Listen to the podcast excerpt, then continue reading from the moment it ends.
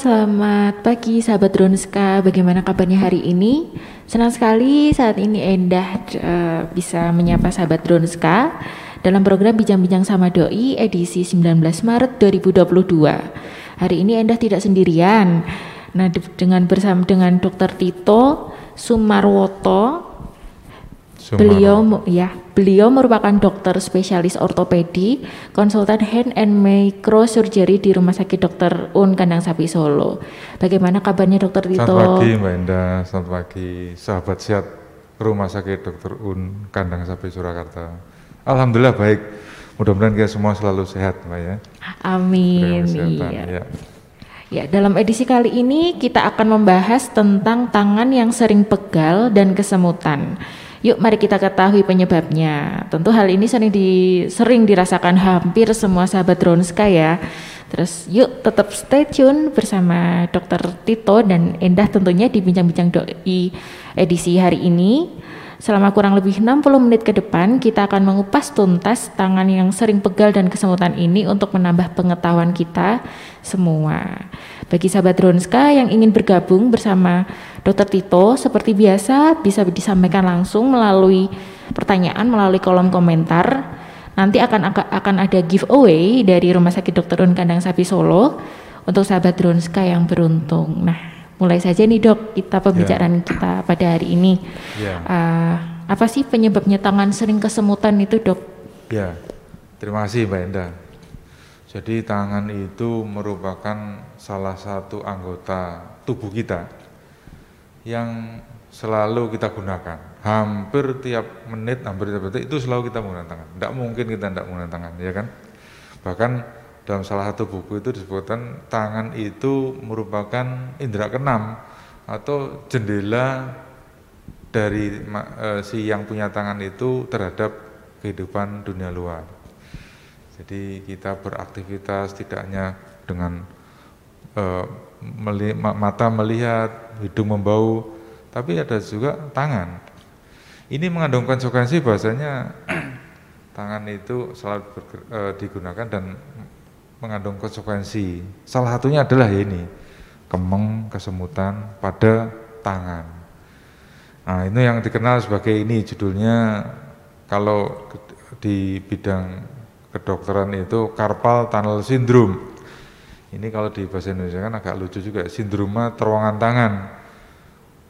Ada beberapa teman loh, tangan itu punya terowongan ya, punya. Itu kalau lihat di pergelangan tangan kita itu kan sebetulnya kalau dilihat ronsen itu kan ada beberapa tulang-tulang gitu nah itu kalau tangan kita potong begini itu kita bisa melihat nah ini ya ini namanya terowongan tangan atau carpal tunnel kenapa kok bisa semutan karena di situ ada saraf saraf besar yang namanya nervus medianus atau median nerve nah di sini Tadi saya sudah masukkan tangan tentunya di uh, ada pergelangan tangan. Nah itu karena sering bergerak overuse namanya, sering mengalami um, apa namanya radang, radang bengkak di sini. Kalau ini seperti berarti seperti ruangan ya. Nah kalau radang dia akan membengkak membengkak itu, padahal ruangannya tetap dia akan tergencet, tergencet lah itu akan menimbulkan manifestasi kesemutan, pegel, kalau sudah nemen, nanti tangan itu juga eh, saraf-saraf eh, yang mempersarafi motorik namanya, itu daerah jempol di sini. Ini panahnya kelihatan ya, yang saya tunjuk ini ya. Itu juga akan menyebabkan gangguan, mengecil. Nah, kalau pasien sudah kesemutan, malam hari tidak bisa tidur karena nyeri kesemutan, terbangun, disertai dengan adanya um, apa namanya eh, atrofi, otot-ototnya tepos. Ya, kalau kita lihat jempol kita itu kan belenduk besar begitu ya. Wah ini berarti sudah lama. Nah, ini eh, gambarnya ini seperti ini misalnya. Nah ini dia. Ini otot-otot yang dipersarafi oleh nervus medianus ya, median nerve tadi itu. Jadi itu Mbak Indah. Itu berbahaya tidak sih dok? Oh berbahaya tidak sih dok kalau rasa kesemutan itu sering terjadi gitu. Ya. Misal apakah ada jeda waktunya atau memang itu kapan sih uh, bahaya nggak sih kalau kesemutan itu dok? Jadi kalau bicara kita uh, kita bicara bahaya apa enggak, kita harus samakan persepsi kita dulu. Bahaya itu bisa bahaya um, apa namanya mengancam jiwa atau bahaya mengancam tangan itu sendiri. Sebenarnya kalau mengancam jiwa enggak, cuma kita bisa bayangkan betapa tidak nyamannya tangan kita kalau kesemutan terus menerus kan begitu. Padahal tangan itu kan untuk meraba, oh ini kok halus ya, ini kasar misalnya begitu. Kita bisa meraba, nulis misalnya pakai perabaan jari-jari kita. Nah ini kita bisa bayangkan kalau tangan kita kesemutan, meraba tidak bisa atau berkurang perabaannya, bahkan mengganggu istirahat kita malam-malam hari kita kebangun karena kesemutan. Nah itu mungkin membahayakannya ya karena itu bukan karena secara langsung eh, secara langsung karena tangannya tapi secara langsung ada gangguan tidur, kurang istirahat sehingga kesehatan menurun lah itu nanti lama-lama eh, apa vitalitas kita akan berkurang. Kita tidak optimal lagi dalam ber, apa namanya melakukan aktivitas sehari-hari. Nah, itu seperti itu. Kalau bahaya mengancam juga secara langsung sih tidak Cuma ya itu tadi sangat tidak nyaman kan begitu. Yang mestinya bisa kita gunakan untuk meraba, memegang dan lain sebagainya, ini malah menyebabkan gangguan berupa kesemutan, nyeri, bahkan kekuatan menggenggam bisa berkurang. Itu jawabannya. Terus kapan sih dok e, harus periksa ke dokter saat e, misalnya kesemutan? Wah, aku udah kesemutan nih berapa hari ya. ini gitu. Ya, kalau kita lihat biasanya kesemutannya itu pertama kali masih bisa kita ignore ya. Jadi kita dengan kegiatan sehari-hari kita disibukkan bisa melupakan. Tapi dengan berjalannya waktu proses inflamasi uh, peradangannya itu bertambah berat dan kronik menghilang. Tapi suatu kita ada gangguan lagi, ada overuse lagi, akut on kronik namanya itu bisa menyebabkan gangguan. Lah, kalau menurut saya eh, sebaiknya ada gangguan kesemutan, nyeri, pegel itu langsung saja segera ke berkonsultasi kepada dokter ya. Memang kalau saya amati kebanyakan yang pasien sudah datang ke yang datang ke kita sudah kondisi yang sudah mengganggu. Yang waduh dok saya malam tidak bisa tidur, aktivitas terganggu, meraba itu kok tidak nyaman dan kemeng-kemengnya itu melakukan aktivitas sehari-hari. Bahkan sering juga pasien datang dengan kondisi yang atrofi otot tadi itu. Wah ini kan sudah berarti sudah lama. Sudah lama baru dia datang. Nah, kalau menurut saya sebaiknya jangan sampai seperti itu karena e, untuk mengembalikan otot yang sudah mengecil tadi itu tidak gampang ya, sulit ya. Bahkan banyak pasien yang sudah irreversible ototnya mengecil dan otot mengecil pada tangan ini juga nanti akan mengganggu e, mengurangi aktivitas atau ke fungsionalitas dari tangan itu misalnya untuk menggenggam untuk bergerak dari ibu jari ibu jari itu kan penting sekali untuk pergerakan hampir semua gerakan di tangan itu selalu disertai dengan ibu jari makanya namanya ibu jari ya ibu itu kan perannya sentral sekali baik di rumah mau terutama di rumah Nah ini ada ibu jari. Ibu jari, mengapa dinamakan ibu jari ya karena perannya penting sekali. Begitu Mbak Enda. Nah, cukup menarik dok ter, terkait ya. kesemutan dan pegal ini kan juga ya. hampir semua umur itu pasti merasakan itu dok. Iya, Apalagi ya, sekarang kayak seperti usia saya anak-anak milenial 20 ya. tahun ke atas itu uh, seringlah menggunakan gadget apalagi gadget Wah, megang HP sekali. seperti ini tuh gampang pegel gitu dan yeah. dok itu uh, bagaimana sih dok? Apakah misal nih saya megang HP seperti ini terus cara menerus apakah nanti juga bakalan menjadi efek ke depannya yeah. dok? Struktur tulangnya atau apanya gitu dok? Apakah uh, akan yeah. ada efek jangka ke depannya betul. Ini um, isu yang sering ditanyakan atau sering menjadi bahan diskusi. Kita dengan berkembangnya teknologi kita duduk tidak usah ke mana-mana, wah kita bisa ke eh, apa namanya bisa berkomunikasi dengan banyak orang di mana-mana. tidak hanya di lokal Solo aja tapi di luar kota, luar Jawa Tengah, bahkan sampai luar negeri. Jadi sekarang itu ada istilah use your thumb ya atau use your fingers. Eh, bahkan medsos juga sering uh, ngomong hati-hati dengan jari-jari Anda. Ya ini ada hubungannya dengan medsos. Jari-jari kita terutama ibu jari. Kita main apa gadget itu kan yang utama adalah ini memang enak sekali itu saya lihat kalau generasi milenial itu kalau main apa ngirim pesan cepat sekali dengan dua jari terutama dengan dua ibu jari ini cepat sekali nah ini mengandung konsekuensi ya tadi itu itu termasuk salah satu overuse ya dengan ini nah ini anatominya ini ibu jari di sini ini gerak-gerak di sini. Ya ini kan otot-otot yang tadi kita sebutkan tadi itu yang dipersarafi oleh media nerve ini tadi. Nah ini kalau um, apa namanya overuse ini akan inflamasi ya menjepit. Nah, ini yang kita kenal sebagai sindroma carpal tunnel itu tadi.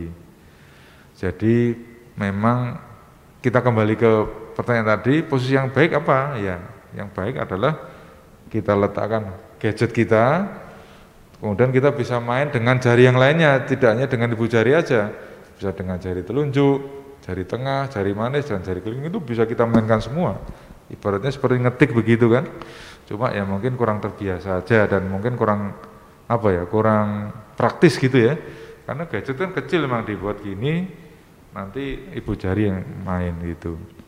Oh ya ini satu lagi untuk karpal tunnel ini kesempatannya hanya di daerah per, e, telapak tangan ya, bukan di daerah apa punggung tangan.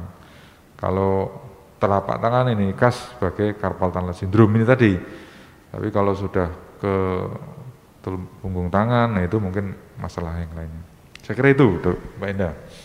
Baik dok, terima kasih dok untuk penjelasan. Nah ini sudah ada beberapa pertanyaan dari sahabat Ronska yang ikut oh, live yeah. hari ini dari ISWT underscore SH. Intensitas olahraga yang tidak sesuai kapasitas tubuhnya apakah akan membuat beban otot tangan meningkat berkali-kali lipat dok? Itu, dok. Ya betul. Dari siapa tadi itu? ISWT underscore SH. Ya dari penanya ISWT ya. Jadi um, olahraga itu juga ada dosisnya. Kurang ya tidak bagus atau ya kurang. Begitu sebaliknya, kelebihan malah justru malah menyebabkan kondisi tidak baik. Jadi pembebanan pada anggota gerak itu harus sesuai dengan eh, apa ada dosisnya juga. Nah, Khusus untuk ini nyeri, apa kemeng semutan itu sering sekali selain penggunaan gadget ya, ini kita bicara olahraga itu sering sekali pada pesepeda, goeser. Nah, ini kan goeser ini kan lagi marak nih ya. Generasi milenial, semi kolonial ya, maksudnya generasi yang usia 50, 60 itu kan juga sering um, goes. Lah itu kalau sekarang kita lihat Pak eh, Gowes itu tidak hanya sekedar cari internet muter di dekat rumah, tapi Solo Pacitan misalnya, Solo Jogja, waduh itu ya oke-oke saja, tapi asal kalau Gowes itu ya perhati, diperhatikan juga kondisi tangannya. Kita bisa bayangkan nyepeda dari Solo ke Jogja misalnya, itu sekitar dua jam ya, non-stop dengan posisi tangan kan sepeda balap itu ya, uh, apa road bike gitu ya. Road bike itu posisi ta tangan agak miring begini. Nah, ini syaratnya bisa seperti kejepit begitu. Nah, ini bisa juga menimbulkan kayak sindroma carpal tunnel itu tadi. Nah, sehingga tubuhnya seger, keringetan, tapi tangannya kok lama-lama semutan. Ya, beberapa minggu yang lalu saya disusi teman spesialis juga ada yang gowes waktu itu pas di Bali jadi gowes dari Gilimanuk sampai Denpasar tercerita juga beliaunya itu uh tangan saya kok semutan mas? Ya. Wah itu karena ya itu tadi. Memang sebaiknya kalau gowes terlalu lama itu mungkin bisa ganti-ganti posisi jangan pakai miring terus begitu. Tapi mungkin stangnya itu bisa dibikin agak naik sedikit dua stang ya. Kalau saya lihat long long distance uh, bicycle itu untuk pembalap-pembalap yang profesional itu ada dua ya. Jadi yang bisa agak tegak begitu dan juga agak bungkuk begitu. Nah ini saya kira ini sudah disesuaikan dengan kondisi tangan. Nah ini kembali ke pertanyaan tadi. Memang betul uh, otot itu memiliki um, uh, beban tertentu. Jadi jangan sampai saking semangatnya olahraga overdosis olahraga. Nah ini bisa kita lihat nanti yang paling gampang adalah begitu kemeng nyeri harus stop. Itu artinya eh, nyeri itu kan alarm ya alarm karena ada sesuatu yang terjadi dalam tubuh kita. Jadi itu yang paling gampang. Tentunya yang eh, kalau ingin olahraga yang semi profesional atau profesional sekalipun mau bodybuilding sekalipun ya kita harus diskusi dengan orang yang ahli, diskusi dengan uh, trainer ya. Nanti kira-kira sehari berapa kali begitu. Dan itu harus dilakukan eh, secara kontinu. Kita ini kan kadang-kadang kalau semangat, uh sampai berjam-jam. Tapi kalau pas ngelokro, waduh ngopo olahraga kan gitu. Nah ini juga harus di uh, dihindari. Jadi harus apa namanya istiqomah apa namanya terus menerus begitu. Jadi itu uh, kuncinya supaya kita tetap sehat meskipun olahraga gitu. Gitu. Apakah uh, itu hanya berlaku tidak ya dok? Kalau misalkan untuk bagi pengendara sepeda motor ini kan ada pertanyaan dari Nas Cerai Nuni. Dok apakah sering mengendarai motor dapat menyebabkan kesemutan pada tangan ya um, uh, pengendara motor ya yang jarak jauh, sepeda itu sama aja. Uh, kalau kita mengendari motor kan posisi tangan kita itu agak nekuk begini ya, radial deviasi istilah kita, agak dorsofleksi di apa pergelangan tangan agak nekuk begini. Nah itu.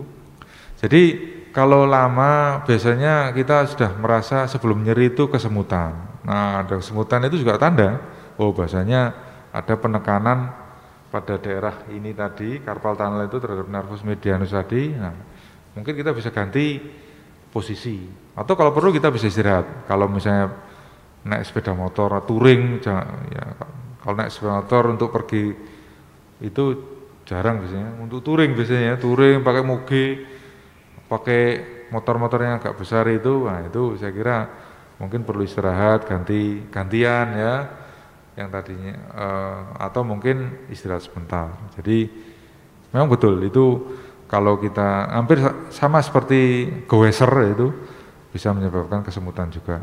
Nah makanya itu tadi ganti posisi istirahat itu bisa mengurangi seperti itu ya gitu. Iya, menyambung yang tadi dok, kalau untuk habis misalkan touring jarak jauh entah itu menggunakan sepeda atau menggunakan sepeda motor ini juga ada pertanyaan sambungan lagi dok. Gimana sih dok kapan yang tepat melakukan relaksasi untuk mencegah kram atau kesemutan pada tangan? Pertanyaan dari Lucky underscore 0908 ya terima kasih Mas Lucky. Ini banyak banyak juga. Jadi kapan kita melakukan eh, apa modifikasi gerak atau istirahat ya. Yaitu tadi sebetulnya kesemutan, nyeri, kemeng itu sesuai alarm. Alarm bahasanya eh, penggunaan anggota tubuh kita dalam hal ini adalah tangan ya kita bicara tangan ya. Saya kira tidak hanya tangan aja semua nih, karena kita bicara tangan ya kita tangan itu kita perlu perhatian. Biasanya kalau itu hanya sekedar posisi kita untuk goes terus touring itu kesemutannya akan hilang ya dalam ini sama seperti kalau kita tidur posisi miring gitu terus anggota gerak kanan atau kiri itu geringan kan gitu kan. Nah itu kan jawabannya ya kita ganti posisi.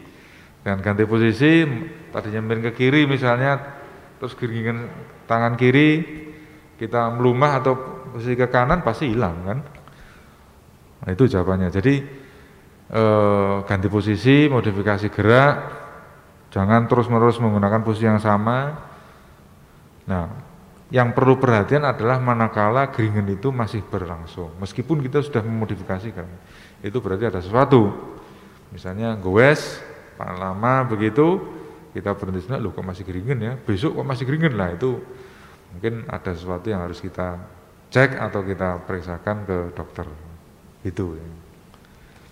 Baik dok, nah kalau tadi kan sudah ada penggantian posisi atau segala macam, ini juga ada pertanyaan lagi nih dok. Penggunaan krim pegal apakah efektif untuk nyeri otot oh, yang sering hilang kambuh dok? Penggunaan apa? Krim pegal. Oh iya. Krim pegal ya. Krim pegal itu biasanya bisa mentol bisa uh, analgetik yang ringan atau mungkin analgetik yang kuat. Mungkin uh, jawabannya adalah menurut saya mungkin bisa mengurangi um, apa nyerinya itu atau kesemutannya itu tetapi begini, ibaratnya kita itu ada kebakaran gitu, ada api gitu. Kan kalau ada api kan pasti ada asap. Gimana cara menghilangkan asap? Kita kipasi gitu. Sebentar hilang dia. Tapi kalau nanti apinya tidak kita matikan, nanti sebentar asapnya akan timbul lagi. Nah, obat-obat krim tadi ya hanya untuk mengurangi pegel, mengurangi linu, kesemutan tadi itu. Tetapi kalau menghilangkan ya kita harus menghilangkan apa namanya sumbernya tadi itu. Ya, misalnya kalau sudah ada jepitan saraf tadi ya kita harus lakukan uh, fisioterapi, penata laksanaan sesuai dengan derajat itu kalau perlu dengan pembedahan uh, operasi begitu. Nah, selama um, asalnya itu tidak kita perbaiki ya saya kira masih ada. Tapi tidak apa-apa, itu untuk uh, pengobatan atau pemberian simptomatis namanya untuk mengurangi rasa pegalnya itu. Dan biasanya begini, kalau saraf itu sudah tertekan, meskipun sudah lama ya, meskipun kita lakukan operasi sekalipun, itu belum tentu serta-merta gejalanya akan hilang. Ibaratnya sama seperti kalau kita pakai jam tangan itu di lengan, itu kan sebenarnya menjepit lengan kita itu. Kalau kita copot, kan masih ada bekasnya itu. Kalau orang Jawa bilang pingget mungkin ya. Nah, pinggetnya itu masih ada. Nah nanti memang lama-lama pinggetnya itu akan hilang. Demikian juga operasi itu tadi. Begitu dicopot apa dibebaskan begitu pinggetnya sisa-sisa bekas jepitannya itu masih ada jadi mungkin eh, gejalanya masih ada tapi kita sudah melepaskan sumbernya itu tadi Sering biasanya saya sebelum melakukan tindakan pembedahan, saya akan cerita ke pasien supaya nanti tidak protes. Biasanya kan pasien tuh pengennya kan instan. Begitu dikasih obat langsung sembuh, operasi langsung hilang. Wah ini ya tidak bisa, tadi perlu proses juga. Jadi gitu ya. Jadi ini bisa untuk menghilangkan simptomnya aja, tapi sumbernya mungkin masih bisa ada. Ya, Begitu Mbak Indah. Ya baik dok. Uh, Begitu, sahabat Dronska, uh, ada pertanyaan lagi nih, dok, iya. terkait bagaimana kalau dengan konsumsi vitamin neutropik secara rutin, apakah boleh, dok? Apakah tidak berdampak pada kesehatan ginjal? Ya, ini pertanyaan bagus sekali dan sering ditanyakan. Memang kalau vitamin neurotropik biasanya kita membahas vitamin B yang ada hubungannya dengan B ya. Vitamin B, vitamin C itu e, relatif lebih aman tanda petik dibandingkan vitamin A, D, E, K.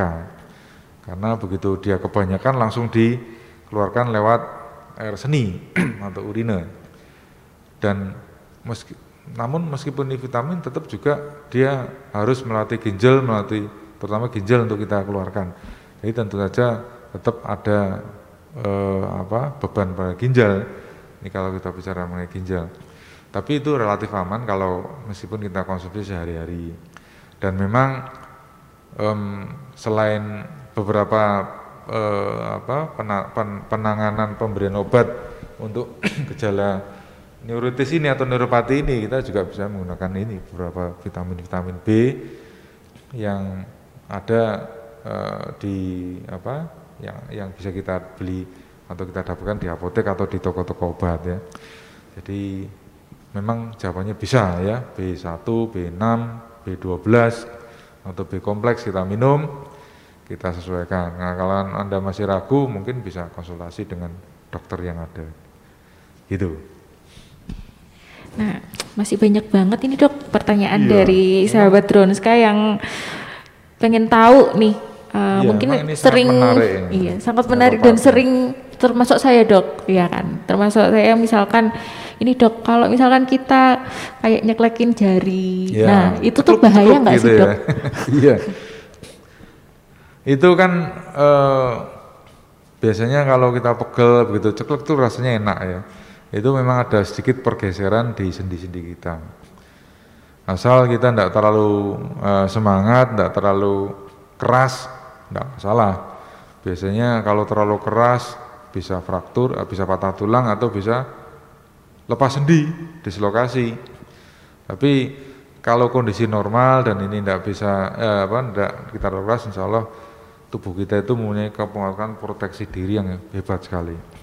Jadi sendi-sendi kita itu selain dibuat oleh ter, ter, terbuat dari apa tulang, tulang ketemu tulang itu ada beberapa soft tissue apa jaringan lunak, ada ligamen itu sehingga kuat sekali tidak dislokasi. Jadi boleh-boleh aja, cuma jangan terlalu kuat, jangan terlalu keras. Nanti justru menyebabkan eh, patah tulang atau nyeri sendi, eh, lepas sendi. Nah ini kondisi dalam kondisi sehat ya. Kalau sendinya nyeri, kemerahan bengkak itu jangan. Itu mungkin e, ada masalah ada penyakit yang kalau kita lakukan tindakan seperti itu malah justru menambah buruknya penyakit tadi.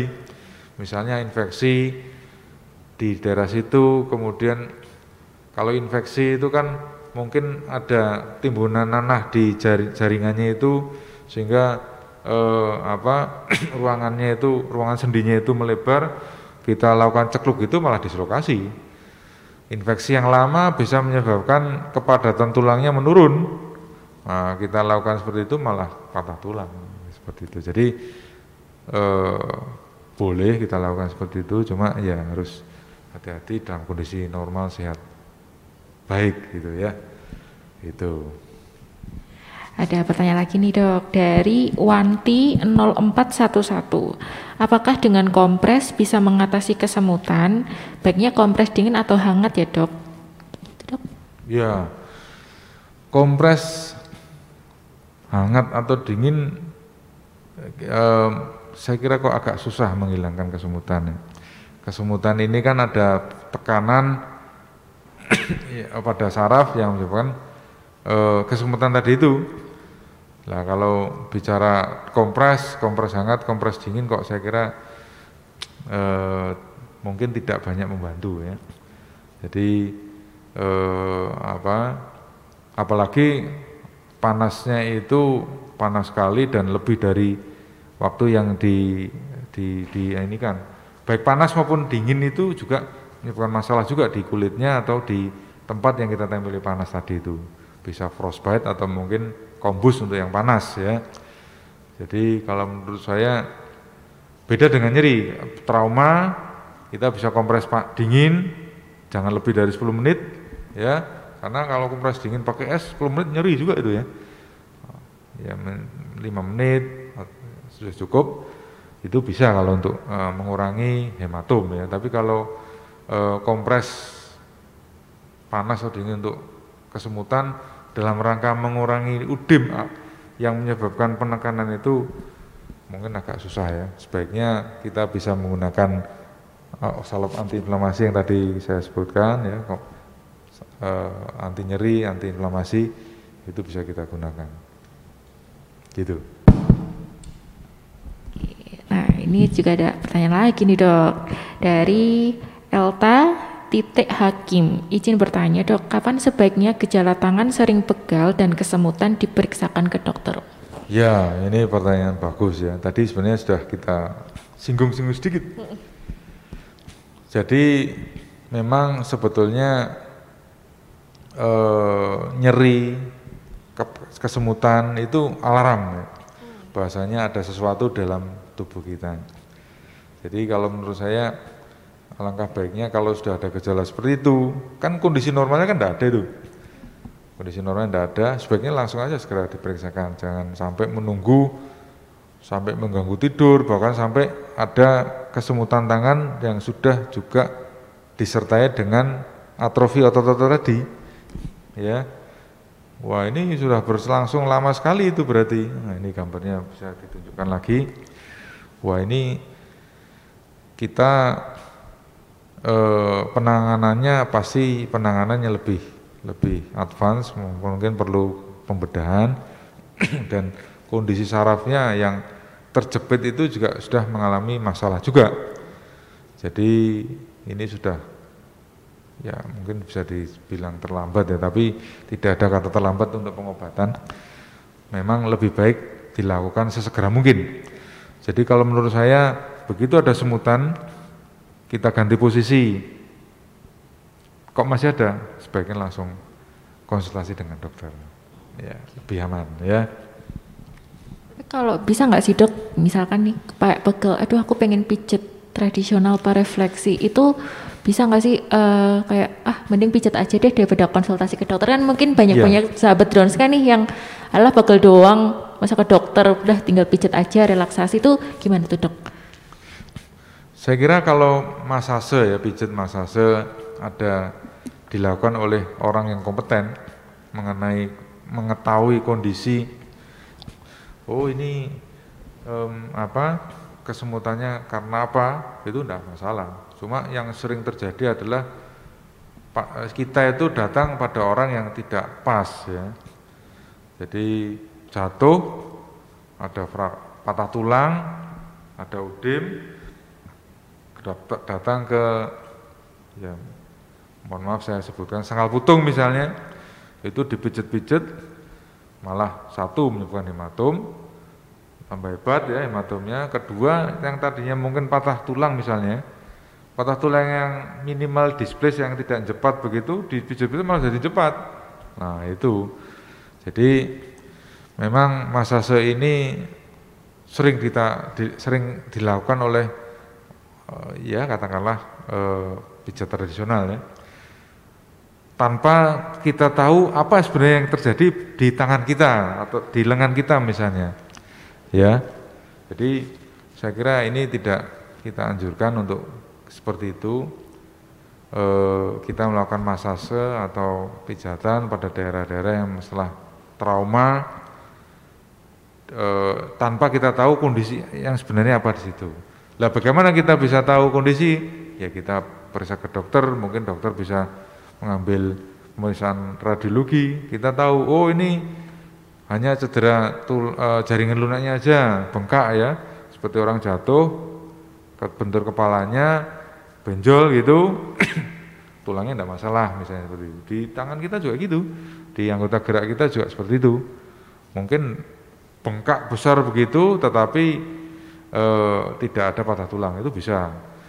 Eh, nah, kalau ini sudah kita tahu eh, kondisinya itu, ya mungkin masas untuk mengurangi nyeri atau mengurangi hematom mungkin bisa kita lakukan. Tetapi biasanya hematom kalau dilakukan masas, eh, inflamasi dilakukan masas itu tidak akan menolong secara jangka panjang. Ya. Jadi Nah, kalau menurut saya sebaiknya kita tahu dulu kondisinya, apa yang terjadi di situ, baru kita lakukan tindakan selanjutnya. Saya kira ini prinsip di bidang medis ya, primum non nocere, first do no harm misalnya. Jadi jangan sampai tindakan kita itu malah justru mana masalah, mengatasi masalah tanpa masalah itu betul sekali. Jangan mengatasi masalah dengan masalah. Saya kira begitu ya. Baik dok, uh, ada pertanyaan dari Jihan Bunga 6. Dok, mitos atau fakta kalau kepala sedang pusing bisa hilang kalau kita memijat jari-jari kita? Nah, ini menarik nih dok. Kayak kan kadang ya jarinya jarinya gitu. Iya, ini kayak nah, dok. acara itu ya, mitos atau fakta. Saya kira ini apa? Uh, itu pengaruh kalau pengaruh langsung nyerinya itu mungkin tidak. Satu itu. Jadi ini saya kira ada pengaruh dari apa sugesti ya. Nyeri itu kan sebetulnya um, apa namanya? persepsi subjektif. Orang A dipukul bisa teriak, orang B dipukul dengan kekuatan yang sama misalnya, oh tenang-tenang aja deh. Orang C dipukul ya meringis atau gimana gitu. Jadi eh, nyeri atau ya nyeri ya tadi kan hubungannya sama nyeri itu eh, satu adalah eh, apa namanya subjektif ya subjektif. Lah dengan adanya oh ini apa namanya kalau di uh, lus-lus tangannya bisa hilang. Nah itu dengan adanya sugesti seperti itu makanya bisa nyeri nyeri kepalanya bisa hilang beneran. Sama seperti mungkin dulu uh, bukan dulu ya uh, sugesti kita ke dokter ya. Kalau dokter itu punya sugesti yang luar biasa, maksudnya begini, kita sudah percaya sama dokter itu, Wong kita datang aja kita sudah merasa uh saya enak. Nah itu seperti itu. Cuma sekali lagi saya kira ini saya, eh, tidak benar bahasanya ini yang menyebabkan hilangnya nyeri kepala. Dan nyeri kepala itu kan mencoba juga macam-macam. Kalau hipertensi mungkin ada masalah eh, banyak pikiran, bahwa itu dilus-lus sampai berapa kali pun sehari ya tidak akan hilang ya. Ini saya kira ya mitos lah ya, bukan bukan fakta. Jadi ini uh, cenderung ke arah sugesti. Di mitos ya, sahabat Ronska. Jadi Mit kalau misalkan uh, tidak semua hal itu harus dengan tangan itu ya dok ya, iya. apa pun permasalahannya itu. Ya, ini ada pertanyaan lagi dok dari Elta titik Hakim. Sebaiknya berapa bulan sekali rutin melakukan kontrol ke dokter bagi penderita CTS dok dan uh, apa saja red flags dari CTS ini dok? Jadi kalau kontrol rutin itu ya sesuaikan dengan kondisinya ya. Kalau masih ringan ya uh, mungkin um, apa ya kontrol kalau kalau ada gejala ya kesemutan tadi yang nggak hilang misalnya.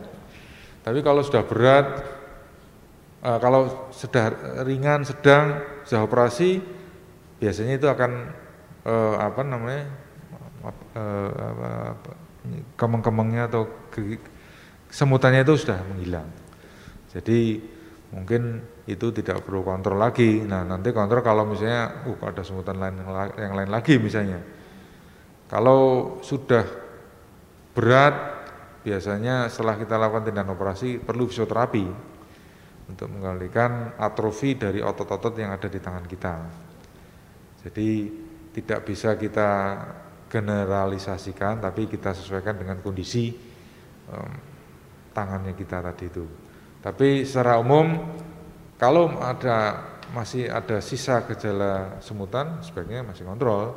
Nanti bisa kita follow up, kira-kira apa yang menyebabkan kesemutan tadi. Mungkin bisa penyakit yang sama, kondisi yang sama atau penyakit yang lain yang harus kita uh, lihat uh, sebabnya yang lain jadi gitu jadi disesuaikan dengan tiap-tiap pasien tadi itu tidak bisa oh harus berapa minggu sekali berapa tahun sekali begitu intinya kalau ada masih ada gejala ya sebaiknya masih bisa dilanjutkan uh, apa namanya konsultasi ke dokter tadi begitu Oke, baik.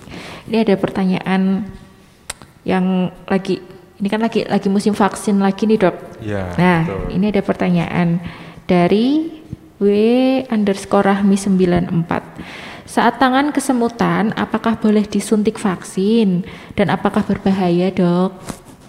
Dari ya. Ini banyak juga pertanyaan yang disampaikan ke pasien-pasien. Kalau sebetulnya kalau apa pada saat semutan memang sebaiknya tidak dilakukan tindakan vaksin ya. Karena apa? Karena bisa mengganggu atau memperberat masalah. Sebenarnya tidak ada secara langsung eh, apa masalah yang berhubungan. Semutan tangan kiri, semutan tangan kanan misalnya, vaksin kan tangan kiri. Itu kalau itu tidak ada masalah mungkin. Mungkin silakan aja. Cuma kalau tangan kiri semutan vaksin di sebelah kiri yang kita khawatirkan itu adalah akan menambah masalah. Maksudnya begini, uh, jangan sampai ini ini agak agak sensitif ya.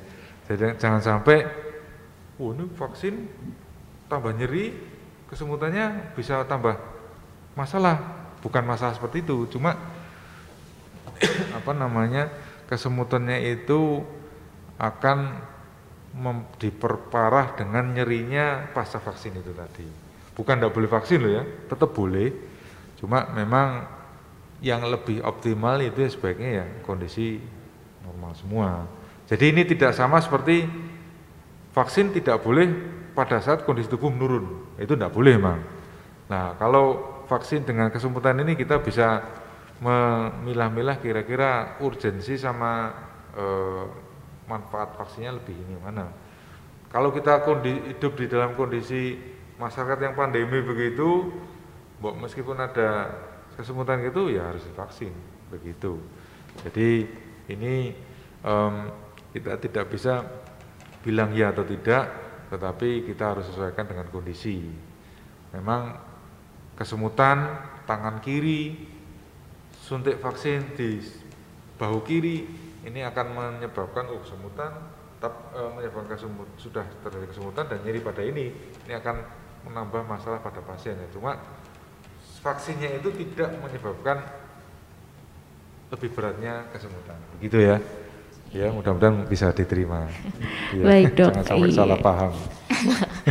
Baik, Dok. Uh, nah, bagi sahabat Dronska yang ingin konsultasi nih seputar kesehatan uh, sendi da, di, dan terutama di area tangan, di telapak tangan ini, mulai dari jari, telapak tangan, mulai pergelangan siku hingga bahu bisa dengan Dokter Tito di Poliklinik Ortopedi Rumah Sakit Dr. Un, Kandang Sapi Solo setiap hari Rabu ya dok? Rabu ya. Setiap hari Rabu jam mulai pukul 5 sore.